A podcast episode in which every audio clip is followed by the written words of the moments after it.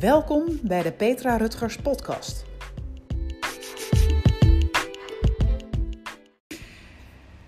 Nou, welkom weer bij een nieuwe aflevering ehm, van deze podcast. Vandaag ehm, heb ik een, een gastspreker en dat is eh, Sarah. Welkom Sarah. Hi. Stel jezelf eens even voor. Ja, ik ben Sarah. Eh, ik werk als ondernemer. Beauty Bewust is mijn bedrijf. Het gaat over groene, duurzame cosmetica. En, en duurzaam ondernemen natuurlijk ook. En wij kennen elkaar natuurlijk vanuit Koude, omdat we allebei met het welzijn bezig zijn van, van de mens. Zeker. Ehm, ja. Dat nou, super. Ja, en we, we, we, we zien elkaar eh, regelmatig, we spreken elkaar regelmatig en steeds komen we een beetje op, op eenzelfde onderwerp uit. En eh, dat gaat eigenlijk over eh, zelfliefde. Ja. En ik vind het heel leuk om jou daar te interviewen. We hebben al vaak genoeg gezegd van, oh, eigenlijk hadden we nu een podcast moeten opnemen. Nou, nu zitten we echt eh, lekker buiten, genietend in de tuin, drankje erbij. En ehm, nou ja, kijken eh, of, we, of nu ja, ook jou, de, de luisteraars, daarmee kunnen, kunnen inspireren. En ehm, nou, ik wil wel graag wat, wat, wat vragen met je doornemen. Want hoe vaak neem jij nou echt eh, tijd voor jezelf in de week? Mm, ik probeer 10% van de tijd van de week voor mezelf in ieder geval vast te reserveren om iets leuks te doen. Hmm. Mm, En hoe doe je dat? Zet je dat voor jezelf eh, in je agenda eh, neer met, met, met een kleurtje? Of, of plan je jezelf echt in je eigen agenda? ehm, ja, in die zin dat ik ehm, één dag eh, vrij neem. Dat echt helemaal vrij van mijn hele onderneming. En dan ben ik er in mijn hoofd toch nog wel mee bezig, vaak merk ik. Ja, Maar goed, dat is dan ook oké. Eh, maar op zaterdag dan probeer ik gewoon niet met de business bezig te zijn. En ook te kijken of ik echt iets leuks kan do- doen. Of, en dat, dat is dan bijvoorbeeld gewoon een koffietje halen voor mezelf. Of ehm, nou, de laatste tijd sub ik tegenwoordig heel veel op de Oh, Vinkfeestplassen. En daar word ik echt heel blij van. ja, Eh, dus dat hou ik er graag in. ja, ja, ja. En zijn dat dan ook de momenten waar, waar, jij jezelf oplaadt? Want er zijn Ja. in het algemeen veel vrouwen die, die, die oververmoeid zijn en echt gewoon geen puff meer hebben. Dus wat zou voor jou een, iets zijn waar je echt enorm van kan opladen? Eh, nou, dat suppen, dat is dus heel makkelijk voor mij. Want ik heb... eh, Ik denk dat je het jezelf makkelijk moet maken. Zeg maar qua tijd en financieel gezien. Iets wat dichtbij is. Hmm. Dus ja, je kan wel een grote vakantie plannen. Maar dat, dat werkt niet altijd even goed. Ehm, de- en dat suppen is bij mij om de hoek. Ehm, koffie is ook om de hoek. ja, maar dat zijn toch mooie dingen ehm, dan? Ja, precies. Ja. Iets, iets wat makkelijk te bereiken is en wat makkelijk te doen is en wat ook niet te veel geld kost. Eh, en, en daarbij mediteer ik natuurlijk ook Ja, eh, ja. dagelijks. Mooi, want, want dat zijn wel inderdaad de dingen die, die, die wij als met name vrouwen nodig hebben om dichter bij onszelf te komen. Van, van echt een keuze maken wat, waar jij blij van wordt, waar jij je energie van, eh, van krijgt. En ook, als ik het zo hoor van jou, weer gewoon rustmomenten in te lassen. Dus, dus het gaan mediteren. Ja. En, en ja, dan krijg je waarschijnlijk ook hele mooie inzichten en antwoorden weer op eh, bepaalde vragen die je dan aan jezelf kan stellen. Ja, klopt. Want ik merk, omdat ik met die onderneming soms heel ongeduldig ben, dat ik heel veel wil, omdat ik helemaal in die vibe zit van, oh, maar ik moet dit en ik moet dat. En er is eigenlijk zoveel wat nog moet gebeuren. Ehm, als ik dat, dan raak je jezelf soms een beetje kwijt, merk ik dan.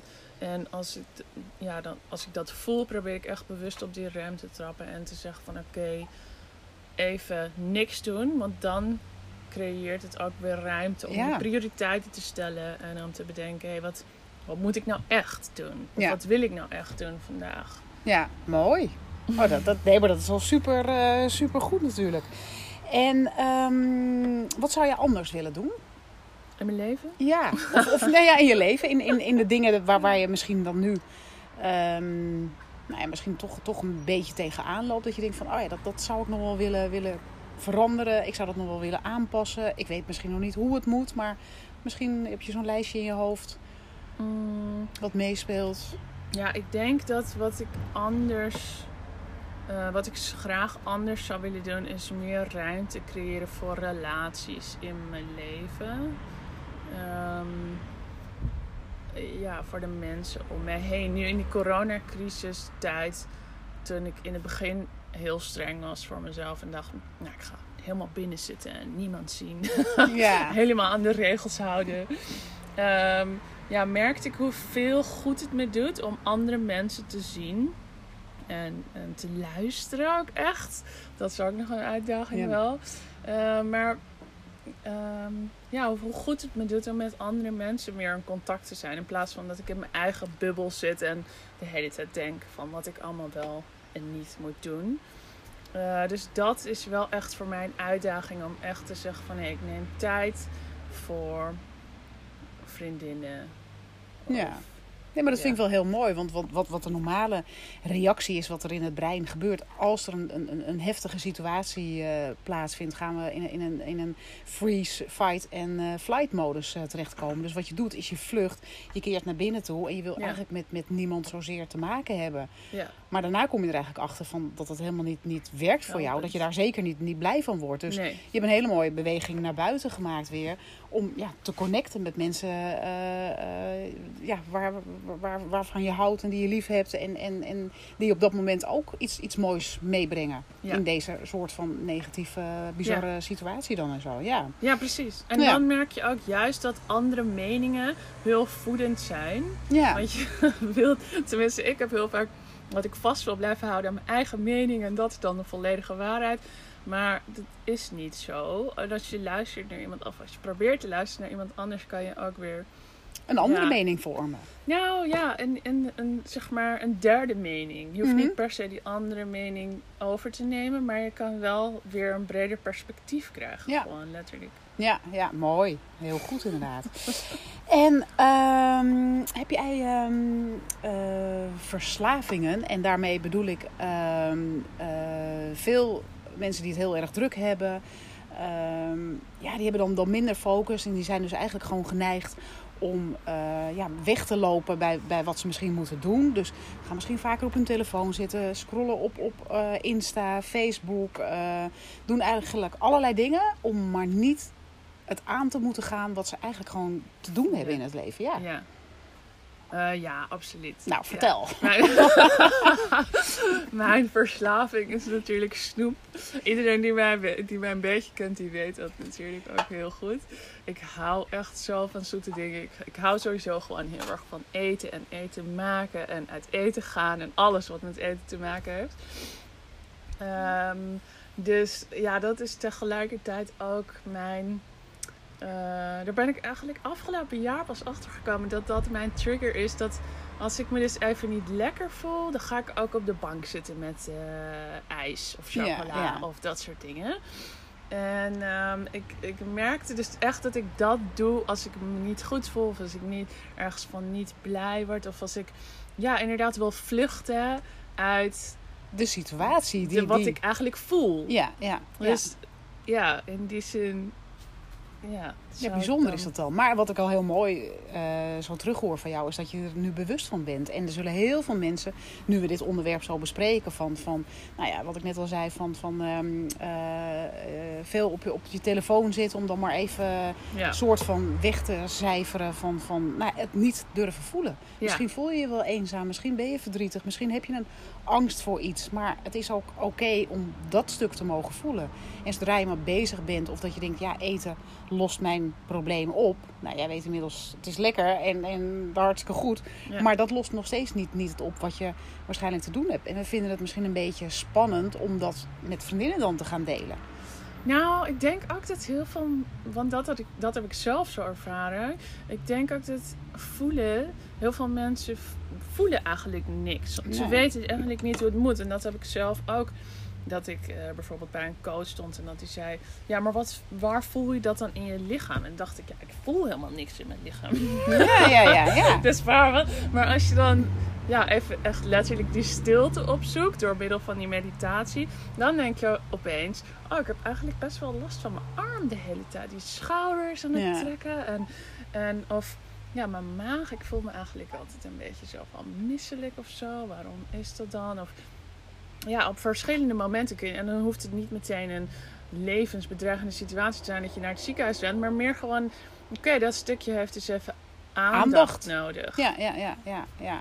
Ja, en dat, dat is mooi wat, wat je zegt. Want als je dan kijkt ehm, eh, hoe je misschien bent opgegroeid... en dat geldt ook voor mij en misschien voor veel andere mensen...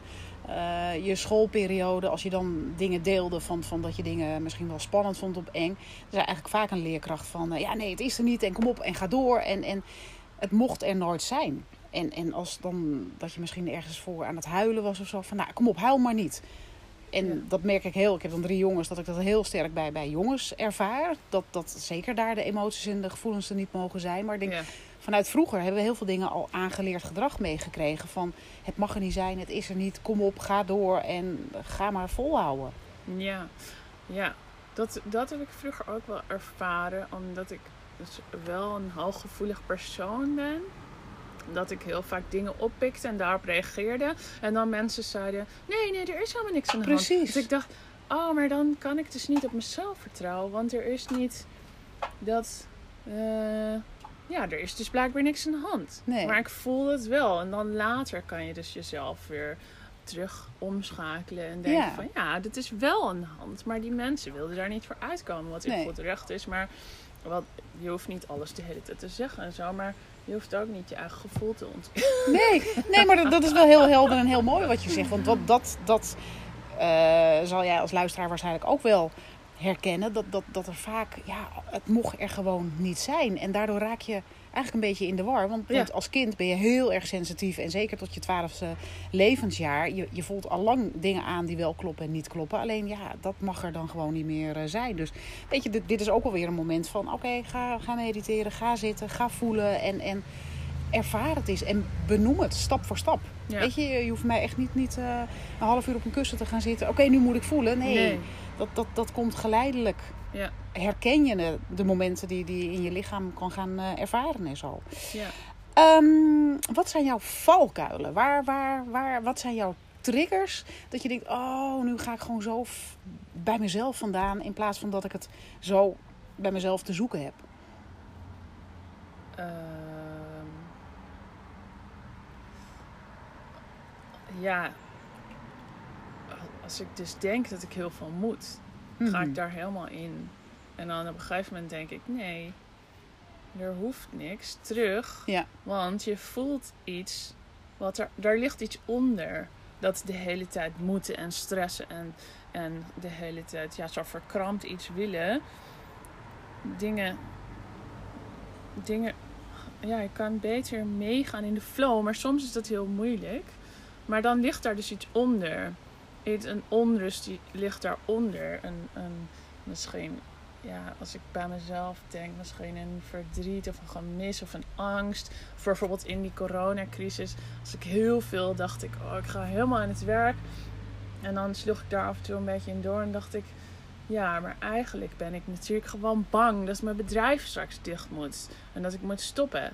En die als ik even de ruimte neem daarvoor, ehm, ja, dan hoef ik mezelf niet zo overspannen te maken met Nee, nee, nee maar dat, dat- dit, dit is echt, echt al super, super helder. En ik denk ook dat, dat veel mensen hier wat aan, eh, aan zullen hebben en zo. En ehm, heb jij nog een tip voor de, voor de luisteraar? Dat je denkt van oké, wat zouden ze kunnen doen om echt, echt gewoon dichter bij zichzelf te kunnen zijn. Eigenlijk een soort, soort ja, patroon te onderbreken waar, waar, waar je eigenlijk al jarenlang eh, misschien wel in vastzit. Omdat jij denkt dat dit het normaal is. Ehm, ja, ik, ik ehm, heb een tijdje terug ehm, de kleine Kofi gelezen.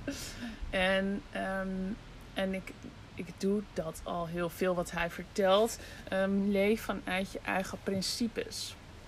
En als je dus kijk wat je eigen waarden zijn. Hoe wil, wat voor persoon wil je zijn? Hmm. Wat voor persoon wil je zijn in je werk, in je gezin, in je, in- ten opzichte van je relaties? Ehm, als, je, als je bepaalde principes voor jezelf aanhoudt. Dus, nou, ik kom even terug op die 10% per week is mijn tijd.